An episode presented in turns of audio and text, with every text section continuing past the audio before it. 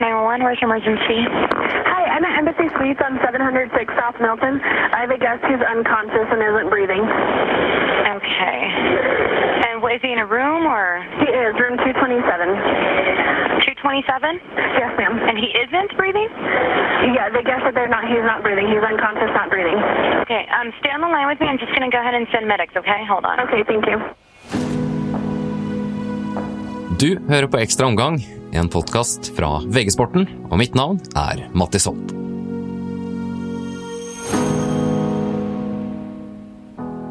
Alexander er veldig godt med her nå. Han er først oppe til 50 meter, foran verdensrekorden. Skal han klare dette? Alexander Dale Oen gjør det ingen nordmann har klart før ham. Han tar en gullmedalje. Du verden for en prestasjon! Det var til ære for alle nordmenn.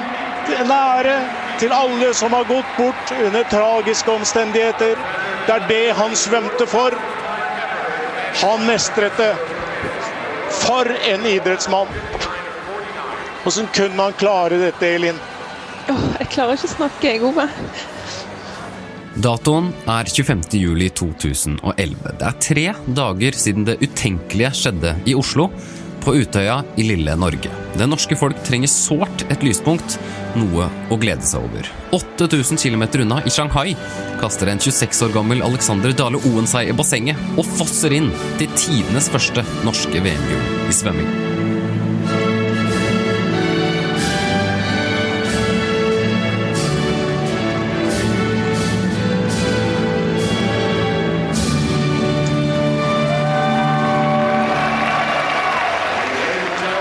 Peker på flagget. Det er viktig å vise sammensveising nå, at vi står sammen mot eh, det som har skjedd hjemme i Oslo. Jeg har ikke ord. Ja, det, det er jævlig. For vår del så er det sterkeste minnet vi har, er at han eh, viser det norske folk eh, den karakteren det er, og, og svømme for, for landet og folket, ikke for seg sjøl. Og det som eh, vi alltid har sagt, at svømming er, bare, er og blir bare svømming. Det er jo livet som er viktig. Eh, og da er da vi, iallfall jeg husker mest som, og jeg tror at da folket husker mest som. Storebror Robin Dale Oen ble som resten av det norske folk rørt av hvordan lillebroren dedikerte det historiske gullet til et helt folk. Men for å forklare hvordan Alexander Dale Oen fra Øygarden ble verdens beste svømmer, må vi gå litt tilbake i tid. For suksesshistorien startet ikke i 2011. Langt ifra. Den starter ti år tidligere, da Svømmeforbundet ansetter en ny landslagstrener. Jeg ble landslagstrener i 2001. Og eh, Alex kom jo inn i eh, seniorlandslaget i 2003. Og så eh, var han jo allerede i 2004 som eneste deltaker med i Aten-OL. Eh, mer som læregutt. Han var 19 år gammel. Og opplevde jo der i 2004 å bli nummer 21. Og han sa vel den gangen at, at jeg reiser aldri til Beijing og blir nummer 21, og jeg skal aldri sitte på tribunen og se en finale igjen. Petter Løvberg er altså mannen som oppdaget tidenes beste norske svømmer. Og treneren og eleven ble etter hvert svært nære venner, og Dale Oen fikk rett om 2008-OL. Finalen ble på ingen måte sett fra tribunen, og det var bare én svømmer som var raskere enn ham i bassenget i Beijing den dagen. Men det viktigste løpet Løvberg trekker fram for VM-gullet i 2011, er i helt andre enden av skalaen, nemlig VM-finalen i 2007. Men i Melbourne der så eh, var han jo veldig lett og fin i både forsøk og, og semifinale. Og eh, eh, hadde jo da som ambisjon å, å gå helt i topps kanskje allerede i 2007. Og eh, følte at det var lett i semifinalen. Og i finalen så gjorde han jo en generaltabbe med å gå ut eh, med altfor hard rytme, eh, frekvens og rytme. og sprakk jo og sto siste meterne eh, hjem på det løpet. og Det så vi vel, vi som var i støtteapparatet rundt allerede etter 15-20 meter, at det her kommer til å gå galt. Og han ble jo sist i den finalen i 2007. Men det tror jeg var utrolig viktig den gangen å få den erfaringa et år før OL på hva som kan skje når trykket er på det høyeste, og, og kanskje man svømmer mer med hjertet enn med hodet. Eh, og man vil mer. Og det sa han jo sjøl i ettertid etter det løpet i 2007 at eh, at, uh, at, han gjorde. For det første han sa etterpå, at jeg gikk bare for å vinne det gullet og, og glemte egentlig hva jeg faktisk skulle gjøre i det løpet. Og, og dermed så, så man jo at han, han Det kom til å gå galt, og det gjorde jo. Så var han jo også like sulten som vi hadde sett han hadde vært.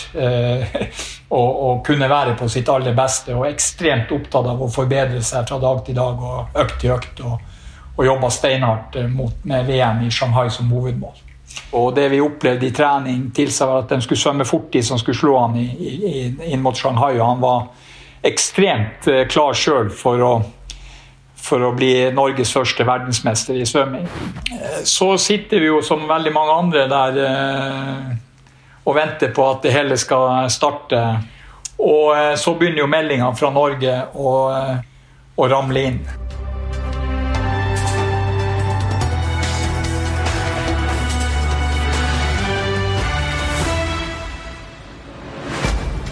To er stadfesta omkomne og flere er kritisk skadde etter den kraftige eksplosjonen i regjeringskvartalet i Oslo sentrum. Og Det var jo et sjokk eh, for eh, alle oss som var der nede. og eh, Det en, ble en utrolig trykka, trykka stemning. og, og og vi samler jo laget opp, og, og, vi diskuterer på mange måter hva, hva, er det vi gjør i en sånn her situasjon. fordi at idretten blir jo veldig lite viktig når sånne katastrofer så det, det, det, kommer veldig tett innpå oss der nede.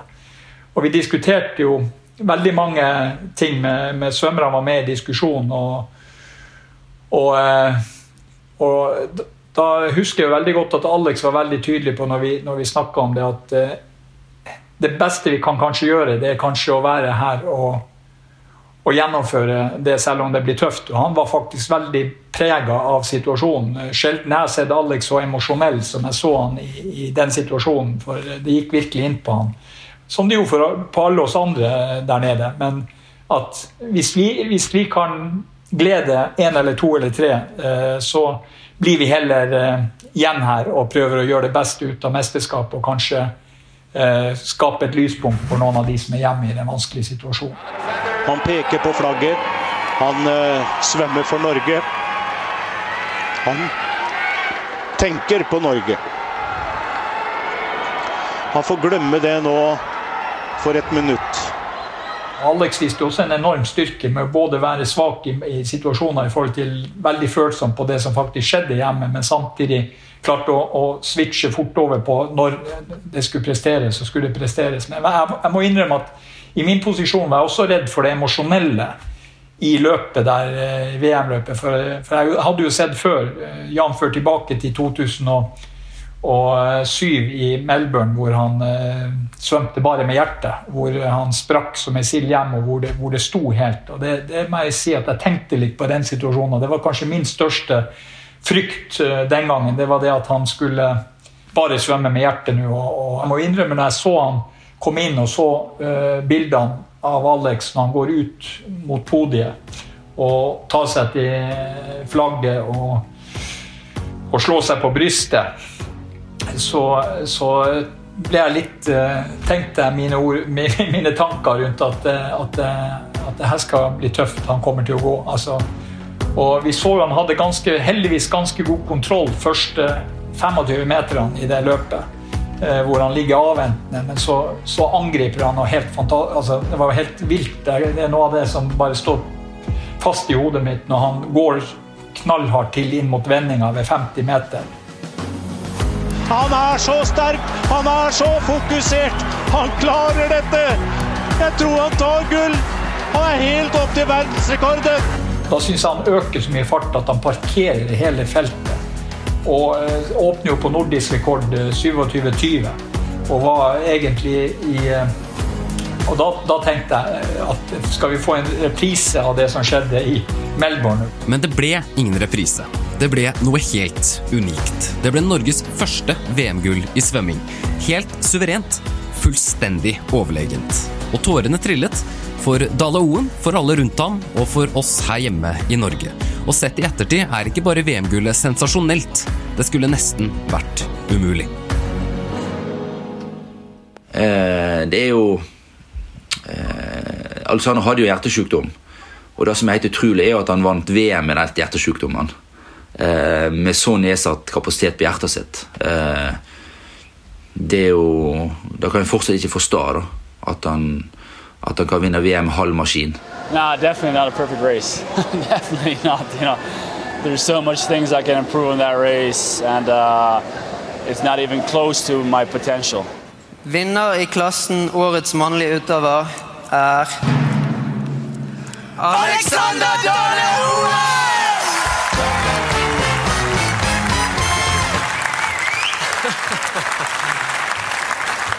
Tusen hjertelig takk. Jeg vil bare si at Bak én prestasjon så står det en hel haug av folk.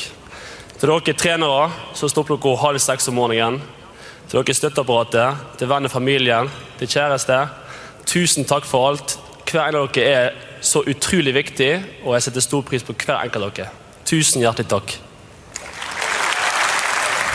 Så er vi jo inn, i, eh, inn mot eh, OL-sesongen 2012. Og, eh, og vi hadde jo hatt en eh, fantastisk reise der i 2012. Da hadde Alex vært suverent verdens beste brystsvømmer både i 2010 og 2011, og var jo kanskje den største favoritten til også å være verdens beste brystsvømmer i 2012. Og, eh, og det var jo akkurat det OL-gullet han eh, jaga etter. eh, det var jo eh, nettopp eh, at han mista det i Hadde håpa å ta det allerede i 2008, og det visste vi han jaga frem mot 2012. Og eh, hadde jo en veldig bra høst eh, 2011 etter eh, også med et eh, sterkt kortbane-EM, hvor han også presterte veldig godt og satt eh, personlige rekorder, og hadde vel kanskje den beste treningshøsten noensinne i vann. Men så skjer det altså noe i januar. Du får en skade. Hvordan, eh, Hvordan, hvordan opp, oppdaget du det, eller hva, hva slags skade er det snakk om? Det som skjedde, det var at jeg var på treningsleir, og eh, skaden det er en betennelse på, eh, på eh, det som omringer nerven som går ut til armen. Så smerten jeg opplevde, den var i ansiktet og eh, Ansiktet? Ja, opp til, eh, til ørene eh, på ene siden. Eh, skuldre og ryggen og litt av brystet og armen. da. Jeg husker veldig godt at jeg var på treningsleir med han i Tenerife. Der var også jeg og Sverre romkamerat med han.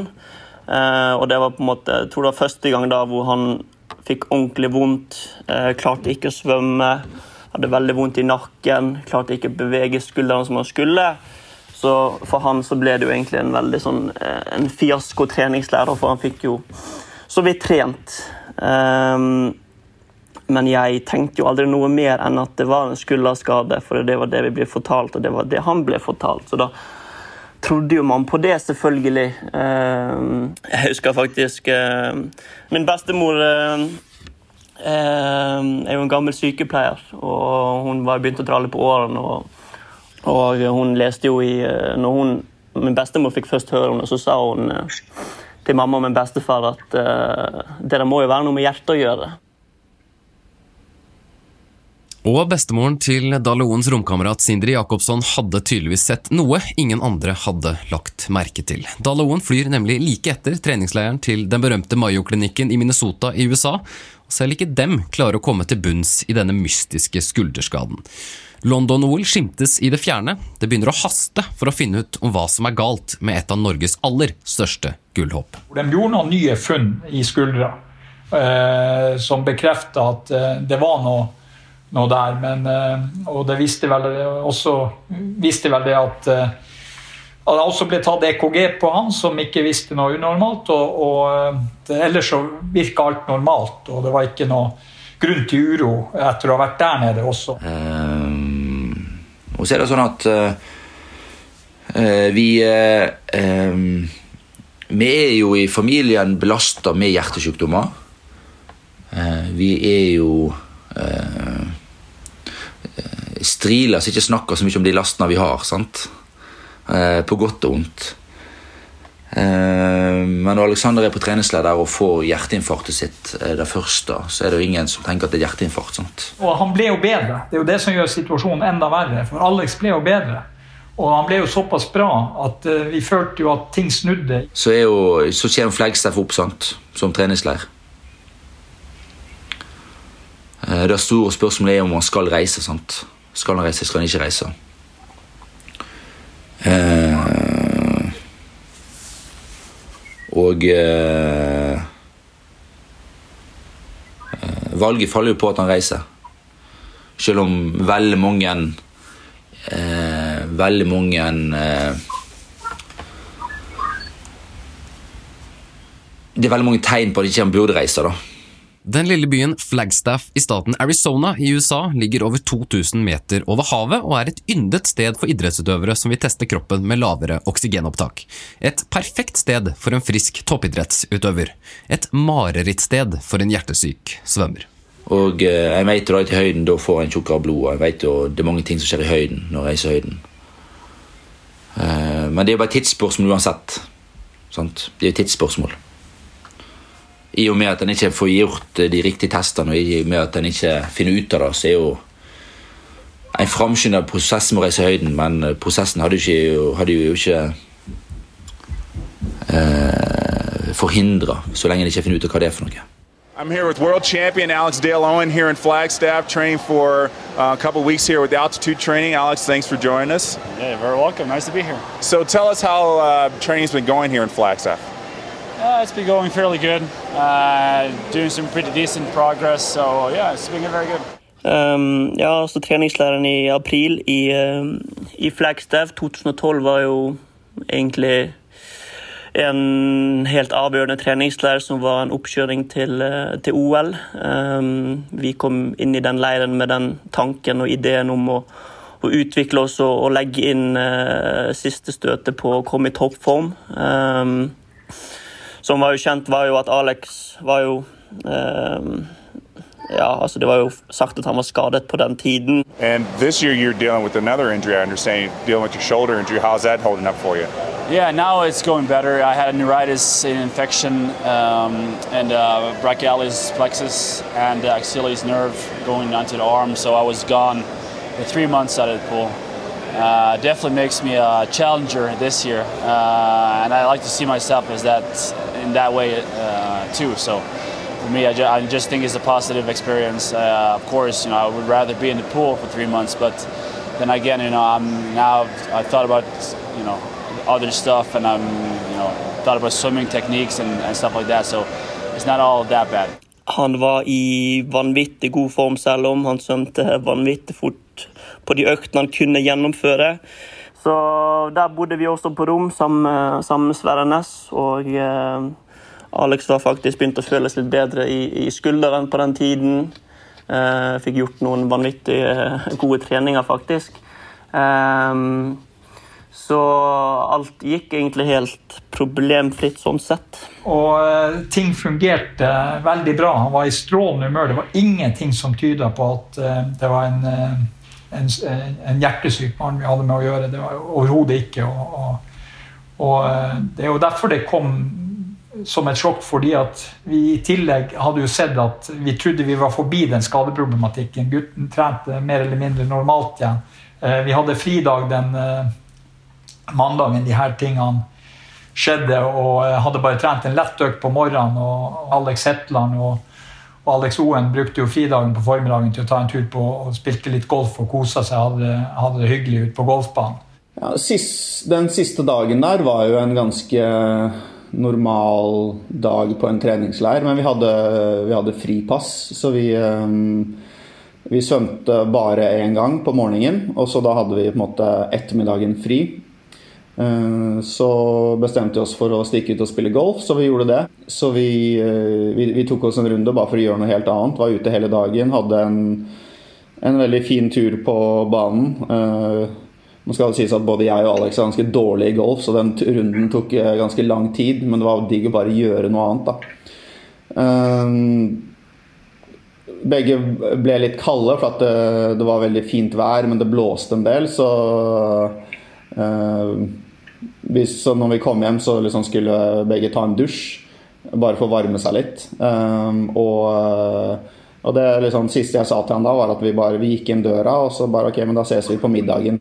Ja, vi ble jo eh, Først så ble vi sittende og, snakket faktisk ganske lenge på rommet. Snakket sikkert i, i 30 minutter om, om alt mulig og, og mellom himmel og jord. Og, og hadde en veldig veldig fin samtale. Og så var meg og, og Sverre var egentlig klar, og så skulle Alex eh, gå og dusje og gjøre seg klar, han òg. Um, ja.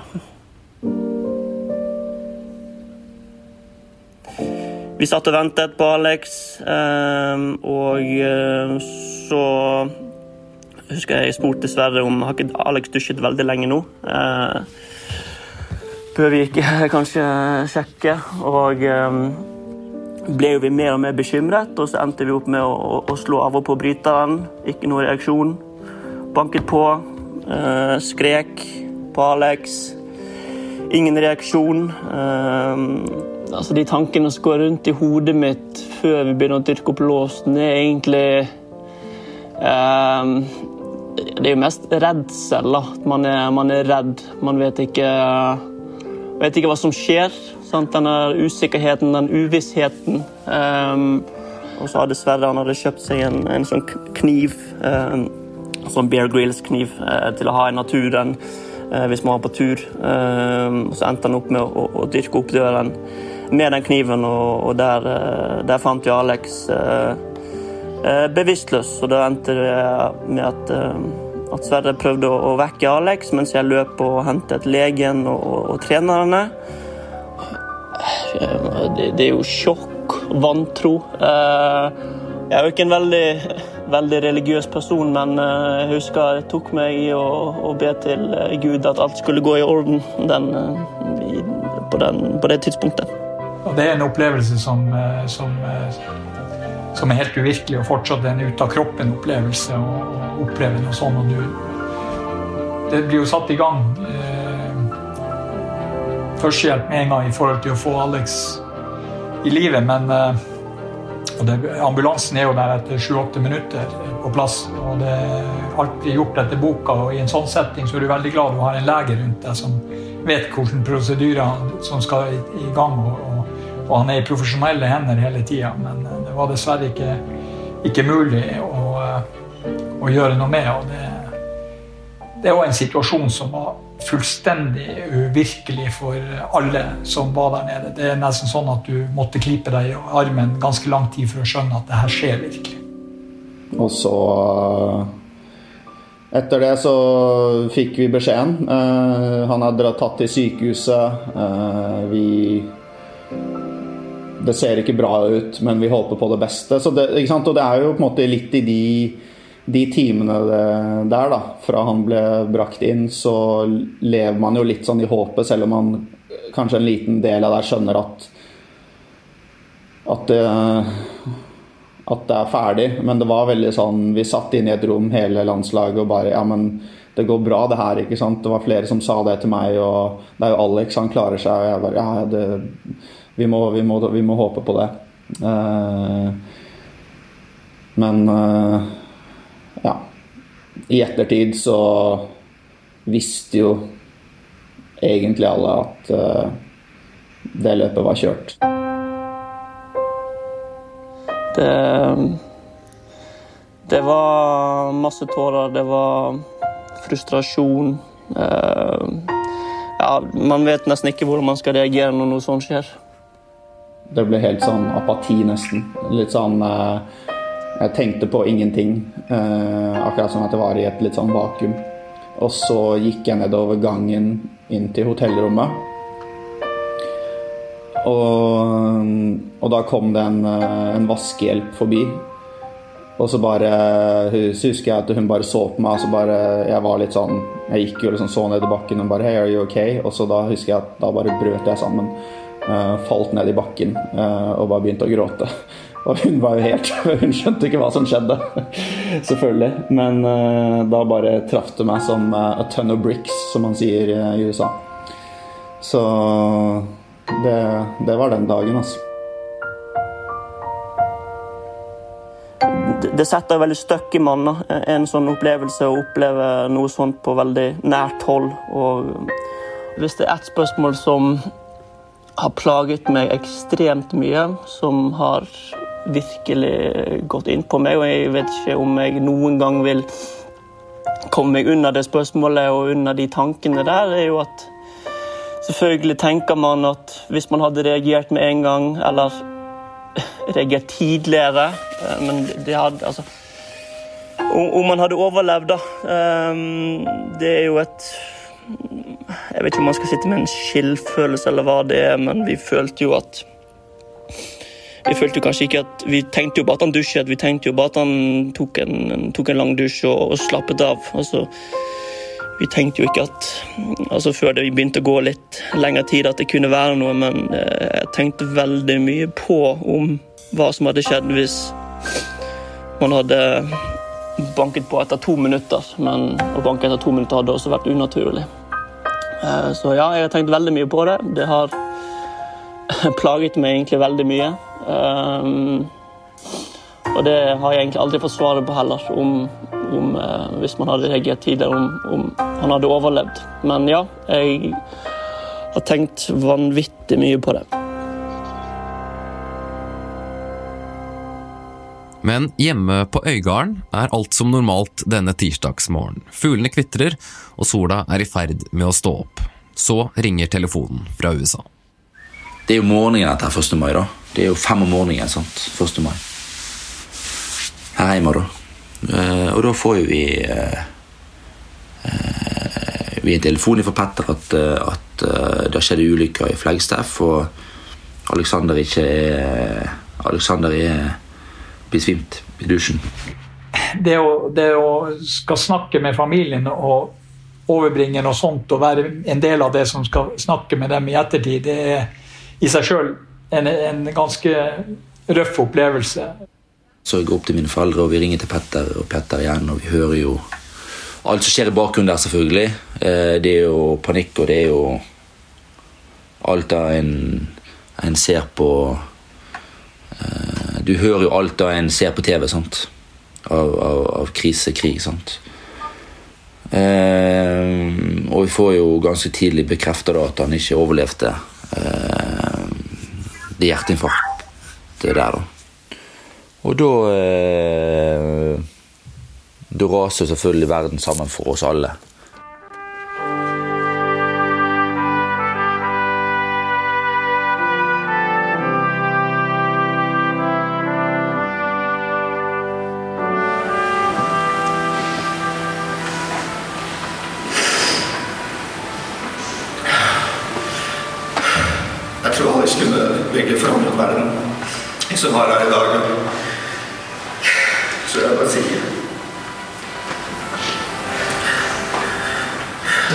For alt.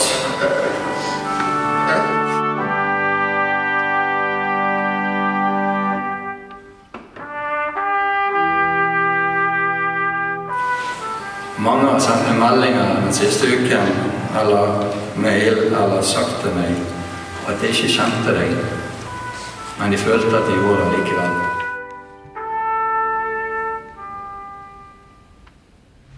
Svømming har betydd veldig mye for meg. Det har vært egentlig en stor del av livet mitt, men det betyr ingenting. Altså, det er ingenting som betyr noe som helst. og Jeg kommer aldri i mitt liv til å sette en fot, tenkte jeg der og da, i en svømmehall igjen. Så var det jo et europamesterskap i svømming eh, som skulle foregå bare tre uker etter vi kom hjem. Altså under tre uker etter vi kom hjem. Eh, det var vel ingen som tenkte på det i det hele tatt i den situasjonen. I hvert fall ikke gjorde jeg det. Og når Robin da sier til meg dere har vel tenkt å delta på EM, så eh, slo det meg ganske kraftig inn. Altså, den tanken hadde ikke jeg egentlig tenkt i det hele tatt, at vi skulle delta på EM. Eh, svømming var helt, som jeg sier, uviktig. Og så sier han du vet hva Alex ville ha tenkt. Og da tenker jeg det her er i hvert fall ikke tidspunktet å stikke av. Altså, du må være med og, og bygge opp et nytt uh, lag og, bygge, og holde den kulturen og ha de verdiene Alex sto for. Ikke bare, og da tenker jeg på alt det Alex sto for, ikke bare i resultater. De gode holdningene og verdiene det har i hvert fall for meg vært utrolig viktig med, med, med landslaget. at jeg tenkte at Hvem kan være i stand nå? Nå har vi ingen kanskje typiske rollemodeller som Alex var på det. Og Da var det jo å ta kontakt med Robin og få han inn i, eh, blant juniorene. Jeg er så utrolig heldig at jeg, eh, jeg får jobbe en del med, med svømming og være coach for landslagene der. Og det vi ser, er at det er ikke jeg De, de ser ikke seg sjøl som en aleneutøver, da. De ser seg sjøl i, i, i førersetet. De sitter i lag i førersetet. Vi er avhengig av at vi trener sammen. Vi hjelper oss med, å, med de tekniske tingene. Vi har det hyggelig sosialt sammen. Eh, vi ser at laget blir viktigere og viktigere. De ønsker å å, å, å bidra. Vi ser at det er en kultur for å At det er ikke utstyret som er viktigst, men den innsatsen du gjør, er viktigst. Vi ser at eh, at eh, sutringens tid er forbi. De gjør det som skal til. Eh, og det er, det er noe som arven etter Alexander i all høyeste grad, og den, den vi førte med oss i landslaget der, som, som vi jobber med unge utøvere. Og har gjort over tid nå som bærer resultater. Og med Robin i trenerteamet har norsk svømming bygget seg opp igjen. Og fortsatt er Petter Løvberg med. 19 år etter at han fikk jobben, er han fremdeles trener for de norske landslagssvømmerne. Og for første gang siden Dale Owens VM-gull i 2011 var det en norsk svømmer som svømte inn til VM-medalje igjen i fjor. Oi, oi, oi, nå er det bare 50 meter igjen, og dette kan bli sølv på Henrik Kristiansen. Han gjør sitt livsløp i dette verdensmesterskapet, og det er langt ned til bronseplassen, er det ikke det? Det er over sekundet, og det går mot medalje i Kundaloen som har gjort det på langbane for eh, gutta. Lillestrøm-gutten tar sølv! Oi, oi, oi, for en historisk dag for norsk svømming! Dette er det største vi har opplevd på mange år. Det gleder meg å se, og det er veldig mye av de samme grepene som er gjort med den nye kultursvømmerne, som vi gjorde faktisk den gangen når vi starta med Alex og det gjengen som da kom eh, oppover. Det er noe som jeg tror er utrolig viktig at eh, det blir jobba videre med. For eh, det er veldig lett å miste en kultur. Altså Hvis ikke du jobber med den hver dag for å holde de her tingene inne. Og da, da, er, da, er, da er det ikke bare toppidretten i forhold til å trene nok og trene best og trene fornuftig, men eh, være med på å skape gode mennesker. Og, og det, er en, det er en viktig, viktig ting. Og der, der har, var Alex helt forbilde, ikke bare for svømmere. Jeg mener han var et forbilde for idrettsutøvere i hele Norge, ikke bare for svømmere.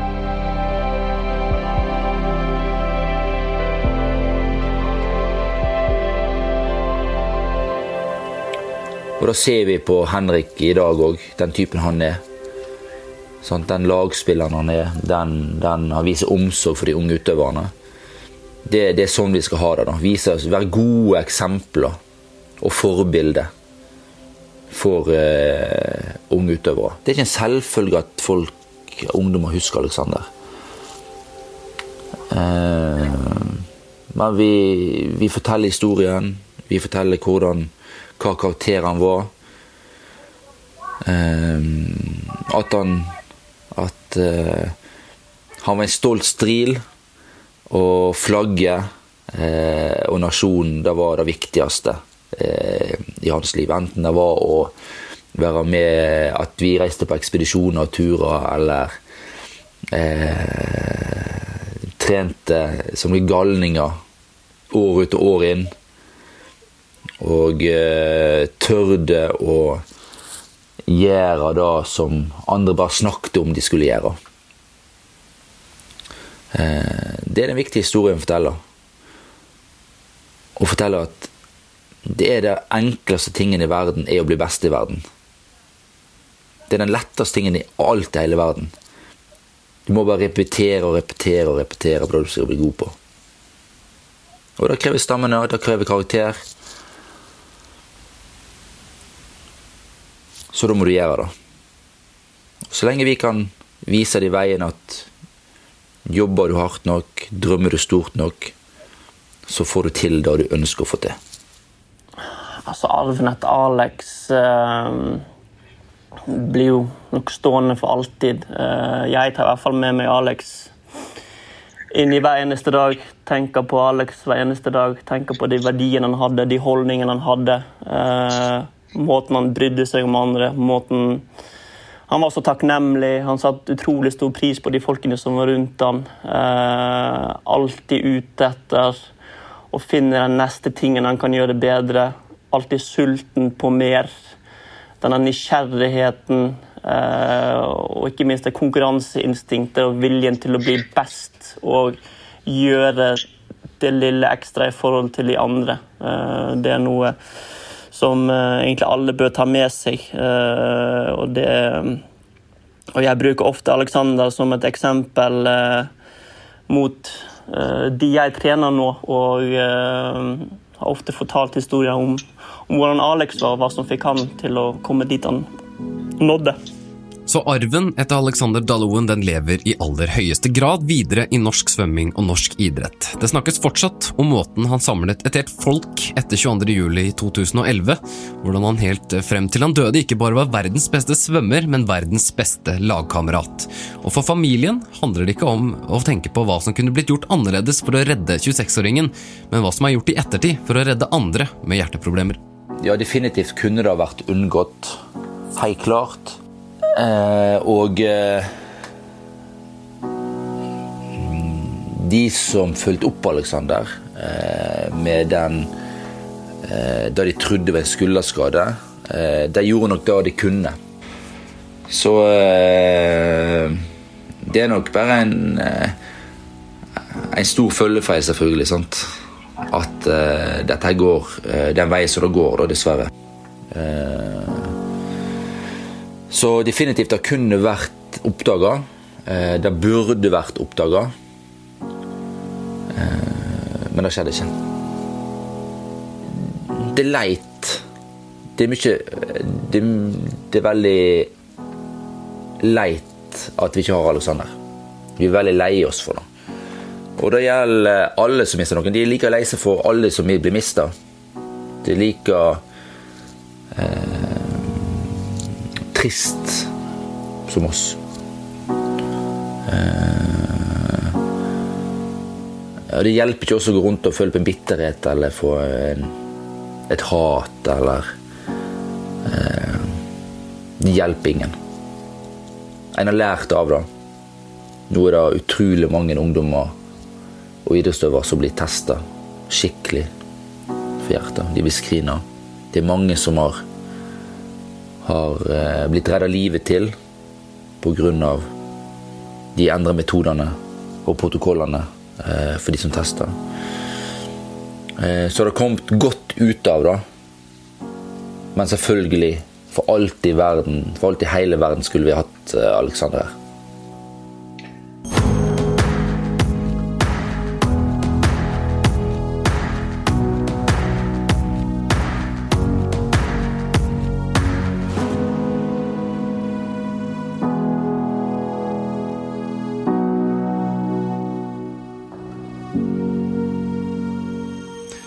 Har hørt ekstraomgang fra VG-sporten da Alexander Dale Oen mistet livet av Ole Kristian Strøm, Vegard Aulstad og Mattis Holt. I episoden hørte du Robin Dale Oen, Alexander Hetland, Petter Løvberg og Sindri Jacobsson.